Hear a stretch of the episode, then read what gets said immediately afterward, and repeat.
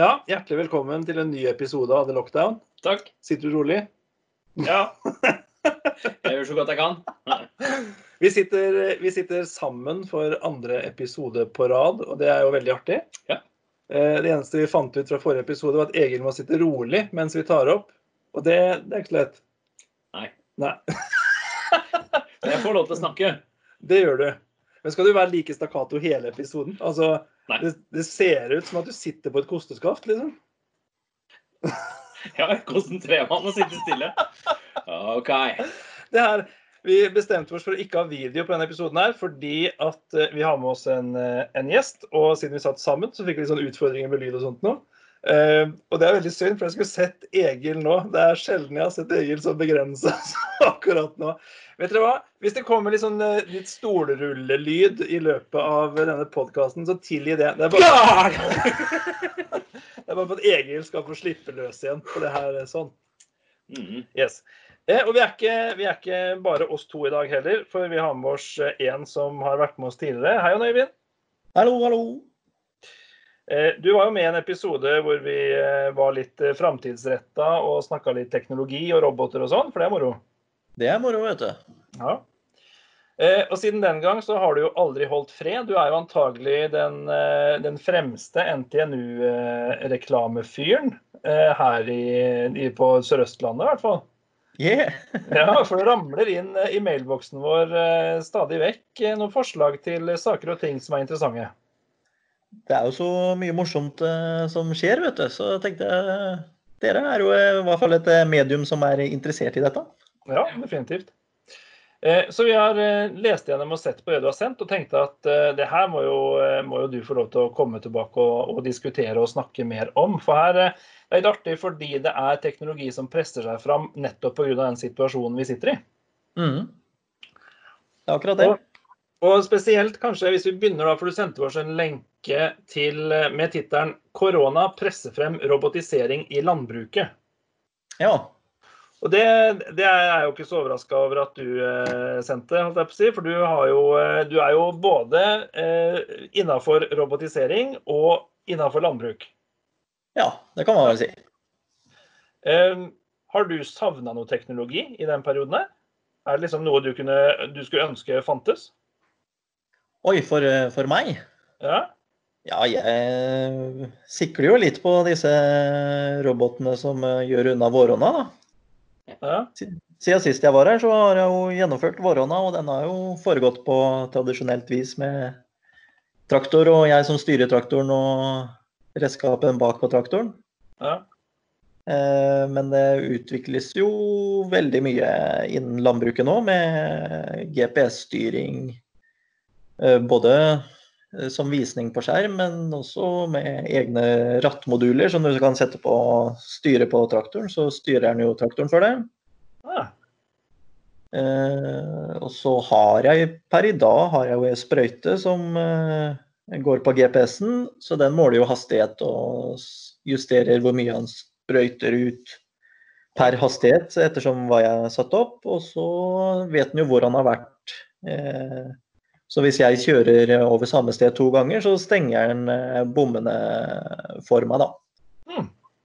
Så når jeg sprøyter, så kan jeg bare kjøre og så prøve å følge GPS-sporet, og så gjøre sprøyta resten av, av jobben med dosering, eh, eller trykk og, og mengde, da. ja riktig.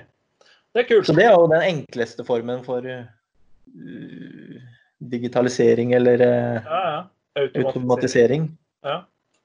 Men, kunne neste, neste steget ville jo vært å satt på en rattmodul da, på traktoren, så ville den jo styrt etter de strekene sjøl. Ja, riktig. Men det, da er vi jo fortsatt på en traktor med redskap bak, da. Eh, eh, Skal vi se, Saga Robotics er vel et firma som heter eh, Ja, Som kommer ut fra NMBU. stemmer. Og de har en eh, Torvald eh, autonom eh, modul for landbruket, da. Og der har de testa litt av hvert. Det er jo en sånn robot som går ut på jordene, da. Så det er jo, det er jo veldig, veldig spennende hva de kan få til der. Ja. Men kan du da i prinsipp altså, automatisere så å si hele våronna, da? For din del i hvert fall. Ja, eh, per i dag så er det jo ikke noe alternativ. Det fungerer ikke enda. Da er det jo batterikapasitet eh, kontra hva for, eh, hva for krefter du trenger for å dra redskapet ut på jordet.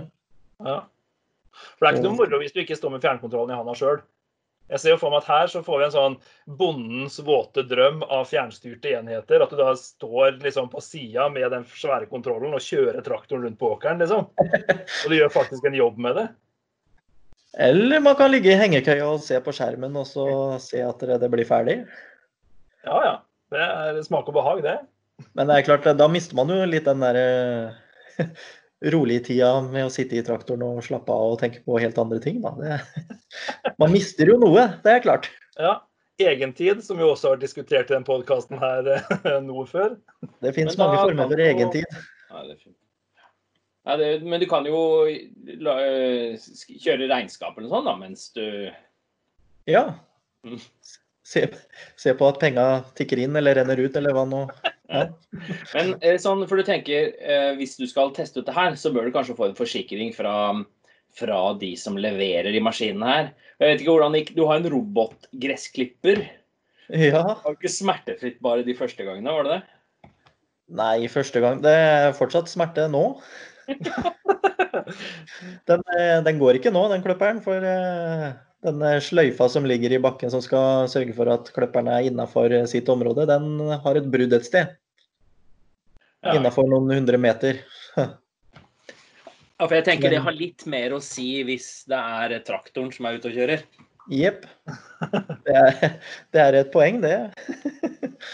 Det er noen, det er noen tonn. Ja. Vi kan jo ta akkurat den problemstillingen her kan vi jo ta til den annonsen du, eller artikkelen du sendte oss også. For eh, det er jo nettopp Saga Robotics det er snakk om her. Ja. Eh, og eh, de har allerede laga eh, en sånn belysningsrobot for eh, jordbærprodusenter. Ja. Som da sørger for å belyse alle plantene om natta for å bekjempe meldugg. Mhm. Og så er det jo her snakk om, altså Det, det framskrittet artikkelen forteller om, er jo rett og slett at, eh, at de holder på med, med bærplukking. Eh, Ja. Høst, altså innhøsting, da. ja, for det mangler jo bærplukkere for tida. Ja, det, med tanke på reiseforbudet, så er det Hva var det de sa for noe? I England så var det snakk om 120 000 sesongarbeidere eller sånt noe. Få ganske, ganske drøyt. Ja. Så det er jo stor mangel på Som han ene jordbærbonden her eh, sier i artikkelen, at eh, det er kritisk fordi at det er et relativt lite vindu de har å jobbe på. Mm. Altså Som jordbæra da er gode og tilgjengelige. Og det er allerede et marked som er ganske pressa på pris. Mm.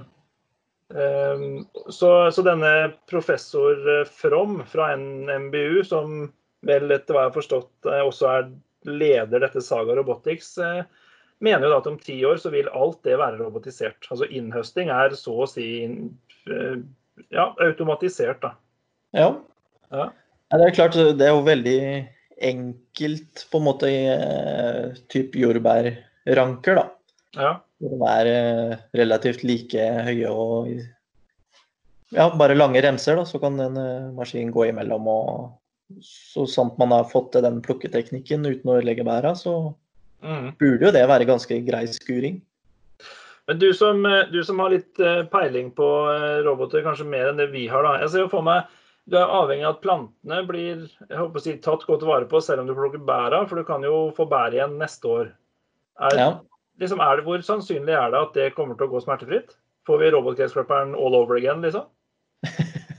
Antageligvis så får du noen runder med noen uh, trøbler. Altså. Det, det slår vel aldri feil, det. Nei. Det er vel det hvilken som helst teknikk. Teknisk løsning funker aldri veldig bra første gang. Nei. For det ser jeg for meg blir drømmen for han jordbærbonden som allerede er pressa på pris og ikke får jobb, så, eller ikke får folk til å jobbe for seg. Altså, jeg sett det bort til roboter, og så er det liksom det ser ut som en eller annen sånn dårlig slasherfilm i det drivhuset der når du kommer inn dagen etterpå. Det kan bli du får ferdig syltetøy, vet du, kan selge direkte. ikke sant? Og være løsningsorientert. Roboter får lage syltetøy. Jeg var på do tre minutter, og så alt ødelagt. Ah, Blir som en toåring hjemme, liksom. Ja. ja. Det blir jo kanskje den første roboten. Det blir å sette to-treåringen til å pelle bær. Det går sånn cirka bra. Ja, Fint. Men tror du Altså, eh, landbruket har vi jo eh, ikke vært mye nok innom, men det er jo vi, altså, Koronasituasjonen viser jo også viktigheten av landbruket, altså det, det nasjonale landbruket her. Da, fordi eh, de står jo for en stor del av matproduksjonen. Har du merka noe jeg håper å si, på din drift i denne situasjonen her, eller går ting som vanlig hos deg?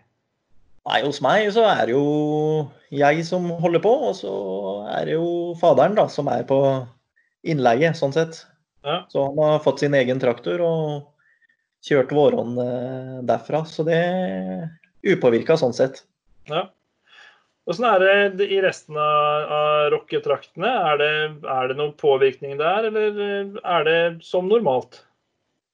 Nei, eh, kornbønder eh, er vel relativt eh, upåvirka, vil jeg tro. Det, det er ikke så mange som leier inn arbeidskraft for å hjelpe seg med våronna. Da må du være ille stor i tilfelle. Ja. De fleste kjører sjøl og, og hjelper litt hverandre.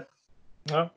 For det har ikke vært, eh, jeg tenker også litt på, Har det vært noe endring i etterspørsel? Altså, En har jo sett at eh, mel og brød det går jo unna i dagligvarebutikkene nå i nedstenginga.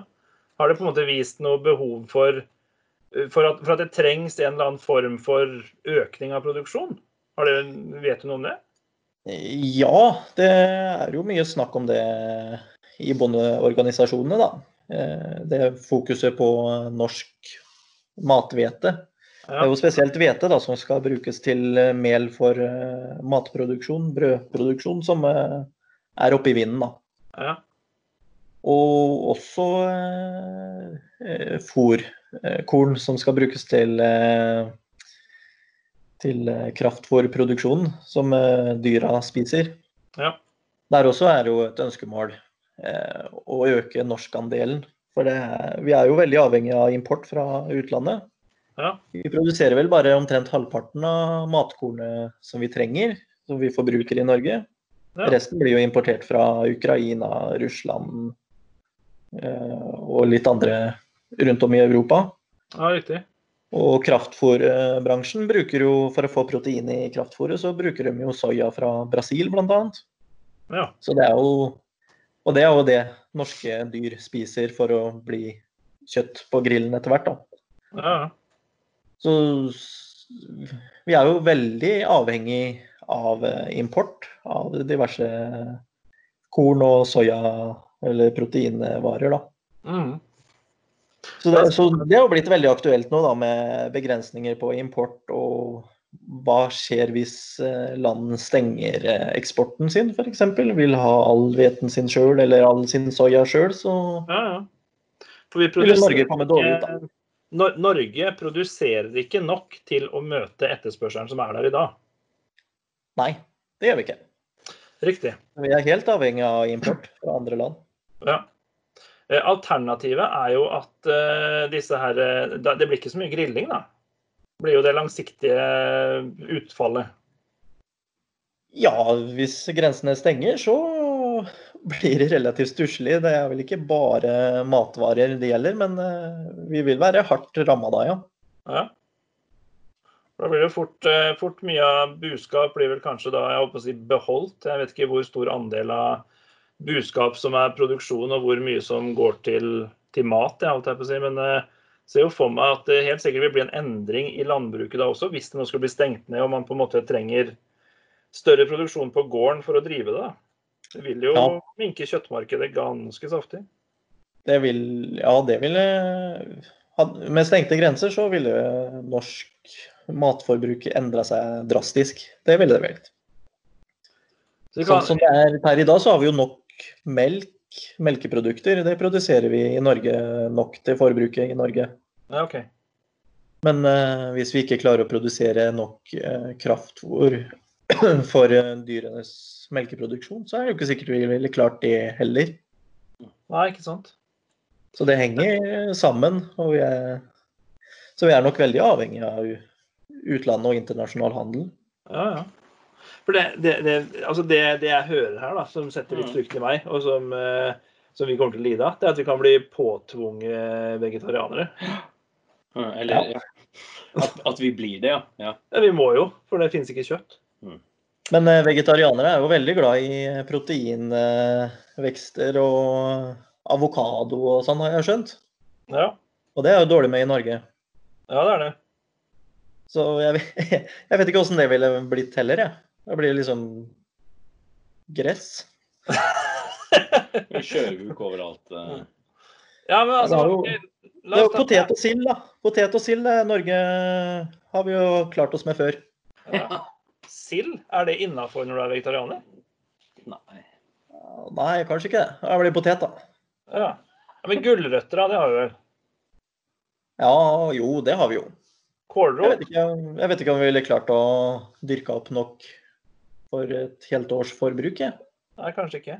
Vi har jo norske gulrøtter og kålrot eh, og alt sånt. har vi jo sommerhalvåret og inn hele høsten og inn mot vinteren. Men eh, Ja. vinter og tidlig vår, jeg vet ikke om vi klarer det. Det kan hende. Måtte jo til med, da måtte vi jo dratt fram den gode gamle hermetiseringa og syltinga og saltinga igjen. da, alt mulig. Ja. ja. Nei, altså, vi ville vel overlevd. Det har vi jo gjort i generasjoner. Og så får vi jo spise elg og sånn, da. Mm. Ja. Elg og ulv. Elg og ulv, ja. Du, du kan ta ulven, så tar jeg elgen. Ja. Er ikke ulvekjøtt noe godt? Jeg vet ikke. Det er, Åtsel, er, det, er det ikke sånn med alt kjøttet ikke har smakt, det smaker kylling? Så Da er det greit, da. Jeg tror ikke ulv smaker kylling, altså. Smaker det, smaker. kontroversielt, i hvert fall. Det, det gjør det nok. Hva tror du? Måker og kråker og grevlinger og Ja. Ja, ja, kylling. Ja, er litt, litt der vi hadde havna, tror jeg. Nei, det, det sier jo litt om hvor eh, essensielt jeg håper å si, både import og norsk landbruk da faktisk er da, for eh, både matproduksjon og konsumsjon her i landet. Ja. Så det, det er jo det bondeorganisasjonene kjemper for nå, da. Det er jo å øke litt eh, stimuliene for eh, riktig produksjon på riktig sted. Ja. F.eks. at det, man produserer mest korn og proteinvekster her på Sør-Østlandet, hvor det er best jorder av den typen. Og så stimulere for uh, melk- og kjøttproduksjon uh, andre steder i Norge hvor det ikke er så god jord som her, men uh, du kan eh, produsere gras, da. Ja, riktig. Sånn at man i, oppover i Nord-Norge så er det jo ikke veldig gode forhold for eh, korn. Nei, Og bort på Vestlandet er det jo heller sånne skrinne bakker. Her er det dårlig kornproduksjon. Så der eh, er det jo ønskelig at eh, dyr kan gå og beite og produsere gress. Ja, ja. Men det er jo det man ser, at eh, med litt dårlige vilkår så slutter jo eh, småbønder å slippe ut dyra sine på småflekker, og de legger ned sin drift, da, og så gror igjen isteden og blir kratt. Ja, riktig. Så vi kunne jo dyrka mye mer i Norge, egentlig. Ja, for Det var et spørsmål jeg egentlig hadde tenkt å stille. Er det mark nok liksom, til å kunne møte denne produksjonen? Men det høres jo da ut som det er. Jeg tror kanskje ikke vi klarer å være 100% selvforsynt med det forbruket vi har. Det tror jeg ikke vi klarer med den jorda vi har i Norge. Det er bare noen få prosent som er dyrkbart. Ja, riktig. I verste fall da, så måtte vi spise all den sauen som vi har på lager. Ja, Den dokumentaren tidligere her med Kristoffer Hivju og kona, som var med på å satt lys på hvor mye sau som man, vi ikke spiser her i landet.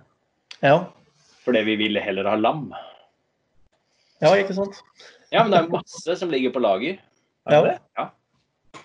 Det er jo, hvor ligger det igjen, da? Kan jeg få sau billig? For jeg har ikke noe problem med å lage mat av sau. Vi venter vel, nå venter vi vel til eh, de kan selge dyrt igjen. Ja, ikke sant? ja. Jeg vet ikke hvor de ligger på lur. jeg. Nei. Hva, var det, da? Det var jo noe Fjordkjøtt. Husker ikke hva det heter. Nei. Men, nei, det var, men at det, det var jo det For hvis folk vet at de skal spise sau, så syns de det smaker ull. Men hvis de ikke vet det, så Smaker det kylling? så smaker Eventuelt lam. Ja, nettopp. Det er en fin dokumentar. Sauen som smakte kylling? Det er en fin dokumentar. Nei, Ja.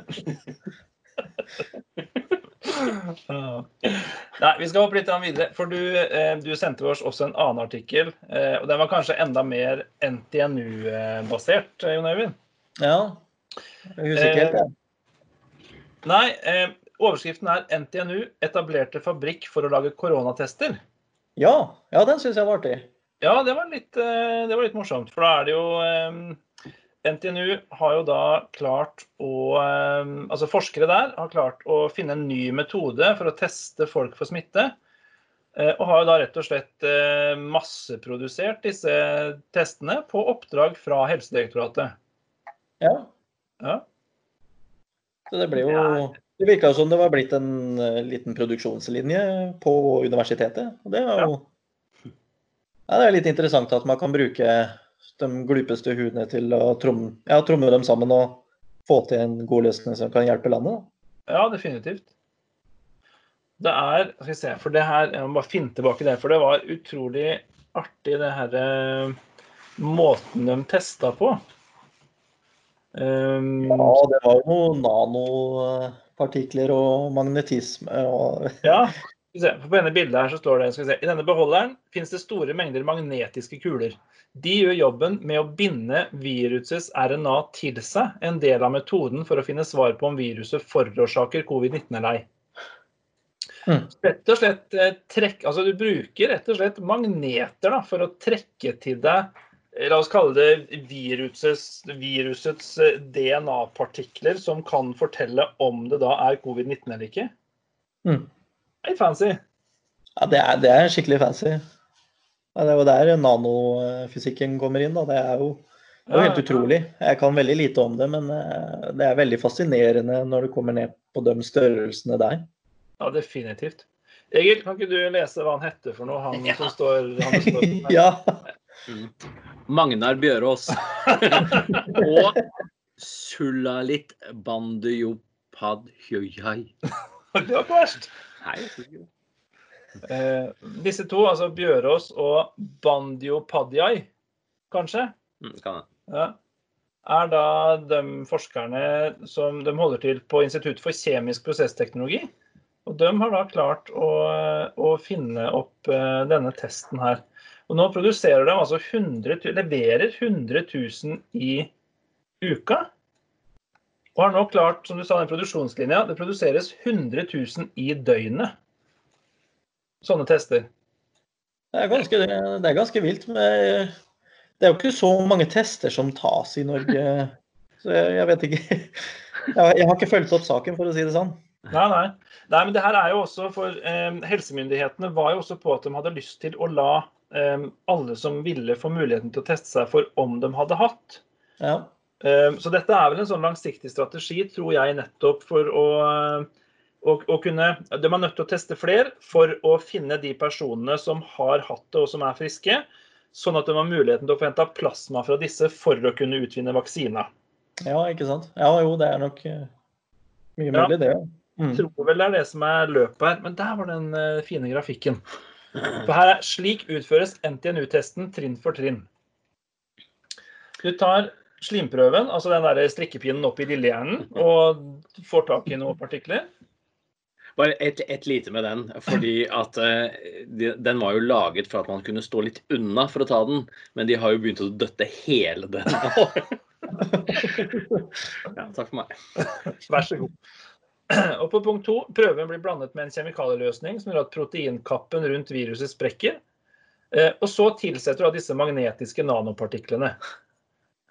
Mm. Så det står jo rett og slett det på her. En magnet trekker RNA og nanopartiklene til seg.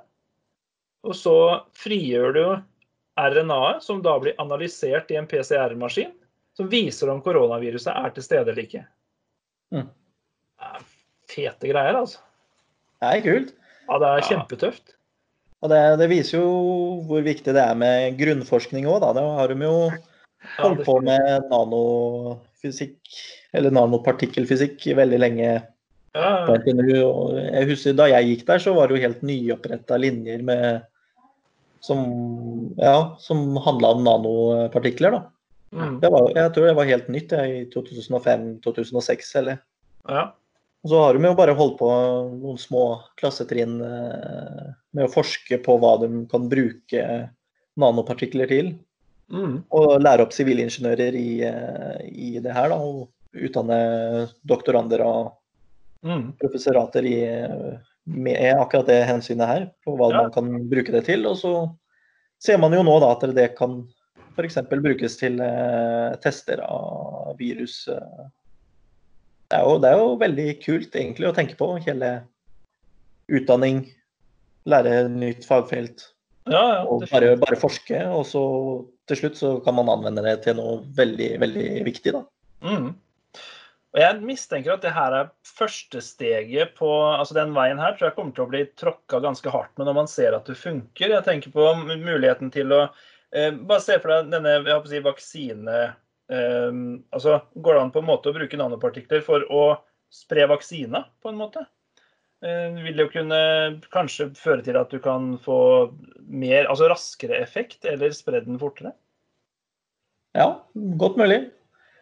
Men så er det jo det, det er så mye som er skummelt med nanopartikler òg, så det er liksom mye du skal tenke på deg, tror jeg. Mm.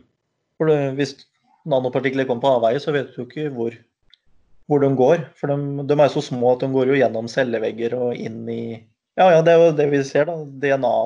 Ja, ja. Så de kan jo gå inn og ødelegge ting i DNA hvis du misbruker det eller gjør noe feil. Så en skal ha litt peiling, da. ja, og så får du filmer sånn som The Hills Have Eyes og sånn. Ja. Og ulempen med å legge ut en så detaljert beskrivelse på hvordan du gjør det, er jo da disse Vi har jo snakket om eh, sånne Preppers. eh, preppers og sånn, ja. Ja. Og de som bare Hm, dette var lurt, jeg vil teste det, men jeg tør jo ikke å gå og dra ned på sykehuset eller eh, Nei. sånne ting. Så da gjør vi det selv. Så har du en sterk magnet, du har strikkepinne du har... Plutselig, plutselig så ligger du der, og halve fjeset er smelta litt av. Du får et sånt testkittet du får hjem. Du får en sånn pakke, og oppi der så ligger det to strikkepinner med litt vatt i enden. Og så ligger det en sånn, sånn god gammeldags hestesko, rød hestesko hvor du tydelig ser polene. Og så er det én sprøyte med noen sånne svømmende små rumpetroll inni. 145 kroner på Wish. Ja, nei, Artikkelen sier for så vidt også eh, en uttalelse fra Folkehelseinstituttet at eh, myndighetene har som mål at alle personer som har symptomer på viruset, skal bli testet i løpet av mai. Eh, ah, ja. Ja. eh, Da er de jo i hvert fall godt forberedt der, da, hvis de har eh, noen hundre tusen tester liggende klare. Mm. Eh, Og I tillegg så er de jo veldig interessert i å være forberedt med tanke på at skolene og barnehagene har åpna. Mm. De lovte jo som en del av dette her at disse som både jobber og barna skulle kunne bli testa ved minste mistanke om at noe spredning hadde blitt gjort, så de fortest mulig kunne isolere de som da har blitt utsatt. ja. Så det er jo noen tydelige bruksområder de hanker inn disse testene for. da. Mm.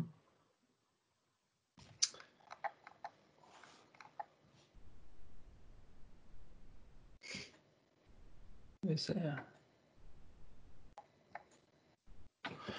Ja, en annen, en annen faktor som er interessant med dette, her, er nettopp det at det skaper flere arbeidsplasser.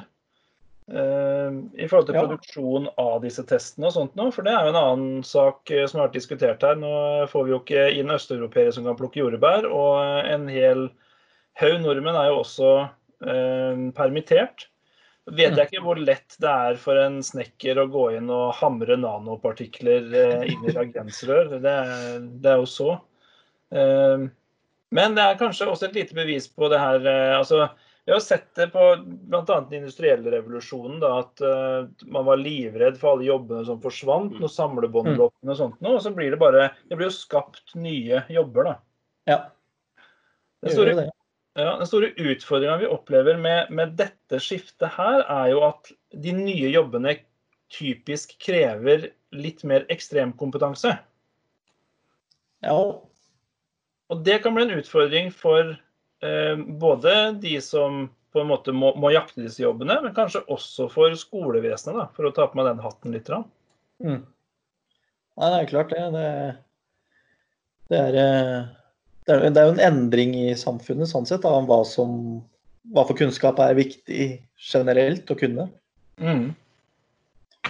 Ja, og så er det altså, jeg håper å si, Snekkerne kommer til å trenge i all overskuelig framtid rørleggere og alt mulig sånt nå, med tanke på Norges infrastruktur. Men det er ikke Ja. de som mista jobben. Det er jo artister og musikere og sånn. Ja. Standup-folk. Kulturlivet er kanskje det som har lidd mest, og det vi bruker mest for å komme oss gjennom den eh, tida her. Men det vil jo komme igjen så fort ting normaliserer seg litt, da. Det, det er kanskje mer unntak med korona, men andre manuelle arbeidsoppgaver som blir erstatta av maskiner og, og sånn type ting, det er jo litt mer varig endring, da. Ja. Nei, så Det gir kanskje noen pekepinner på, på si, fornuftig utdanningsløp, da om ikke annet. Ja, og jeg, jeg, merker jo at det er jo blitt ekstremt mye snakk om digitalisering og maskinlæring eh, de to-tre mm. månedene, siste månedene nå. Ja. Det, det, har virkelig kommet fram som en viktig, viktig, sak å ta tak i for ja, nettopp å møte sånne situasjoner mm. hvor mennesker blir veldig fort sårbare. Da. Ja. Og hvor mye du kan styre og ta hånd om ved hjelp av maskinlæring. Det mm. virker som det har eksplodert det siste. Ja, det har jeg et håndfast eksempel på, med tanke på at vi har et masterstudium innenfor maskinlæring på IT-avdelingen jeg jobber på. Eh, mm. Og det er rekordhøye søkertall i år. Ja, men det er, det er ikke veldig rart hvis man ser litt på, på jobbannonser og ting som reklameres for rundt omkring, da, så er en av egenskapene er jo ofte, veldig ofte maskinlæring, da. Selv om det tradisjonelt ikke har vært innafor det området. Nei, veldig sant. Det er jo dette, altså Jeg velger å kalle det motebegrep. Altså Artificial intelligence er jo veldig med på å pushe den bobla der, da. Ja. Men det er jo mye, mye mer oversiktlig for, for, ledelse og sånn, hvis det er maskiner som jobber istedenfor mennesker. Mm. Det er vel mer mer eh, forutsigbart, kanskje? Kanskje. Ja, spør han jordbærbonden som tester den her eh, kløpperen første gangen. ja. ja. Han med ni fingre, mener du? han, ja.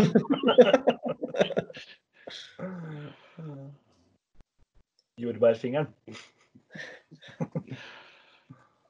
Men dere har ikke søkt uh, jobb som, uh, som eh, Jordbærbukke? Nei, skogsplanter. Skogs. For det er, eh, det er stor eh, aktivitet eh, i skogbrukerlaget.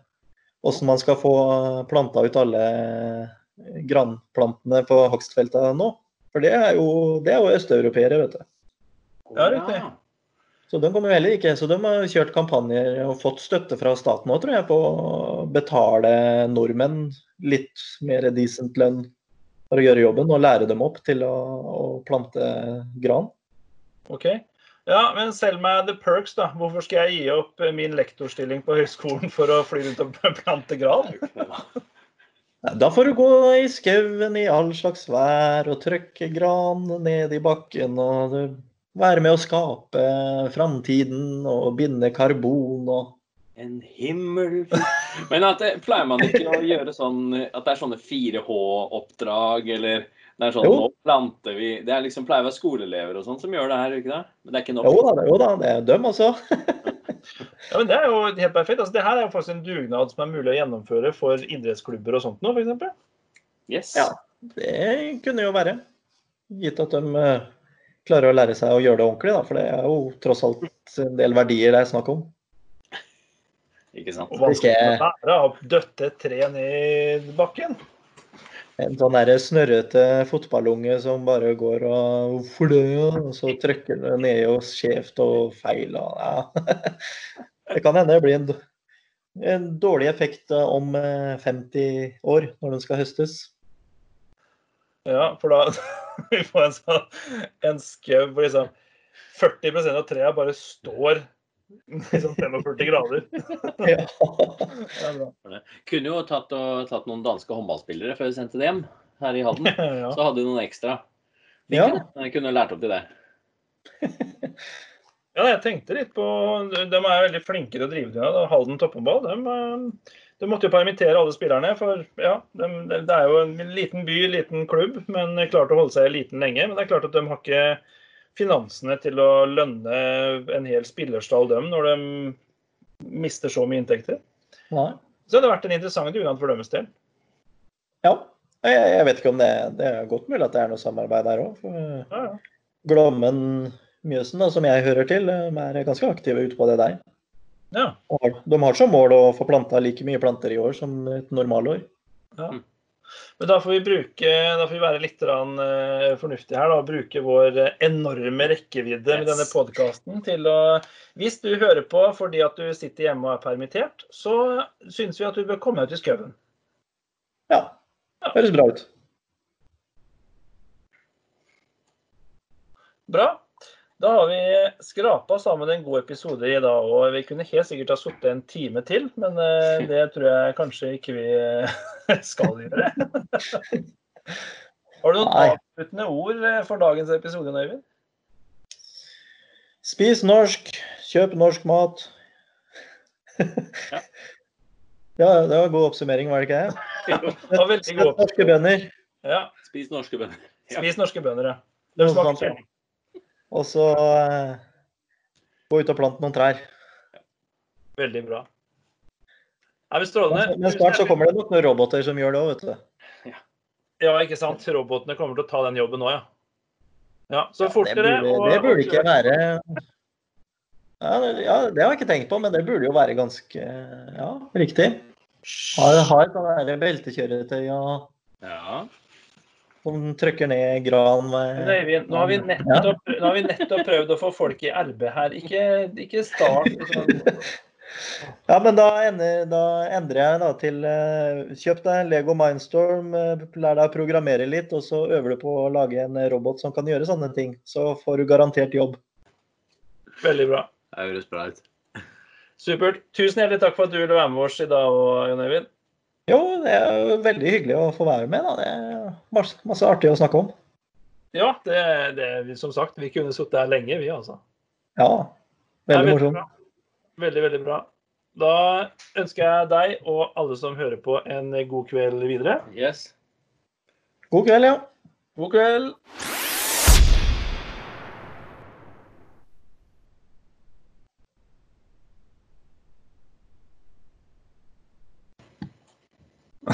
I, I think it might help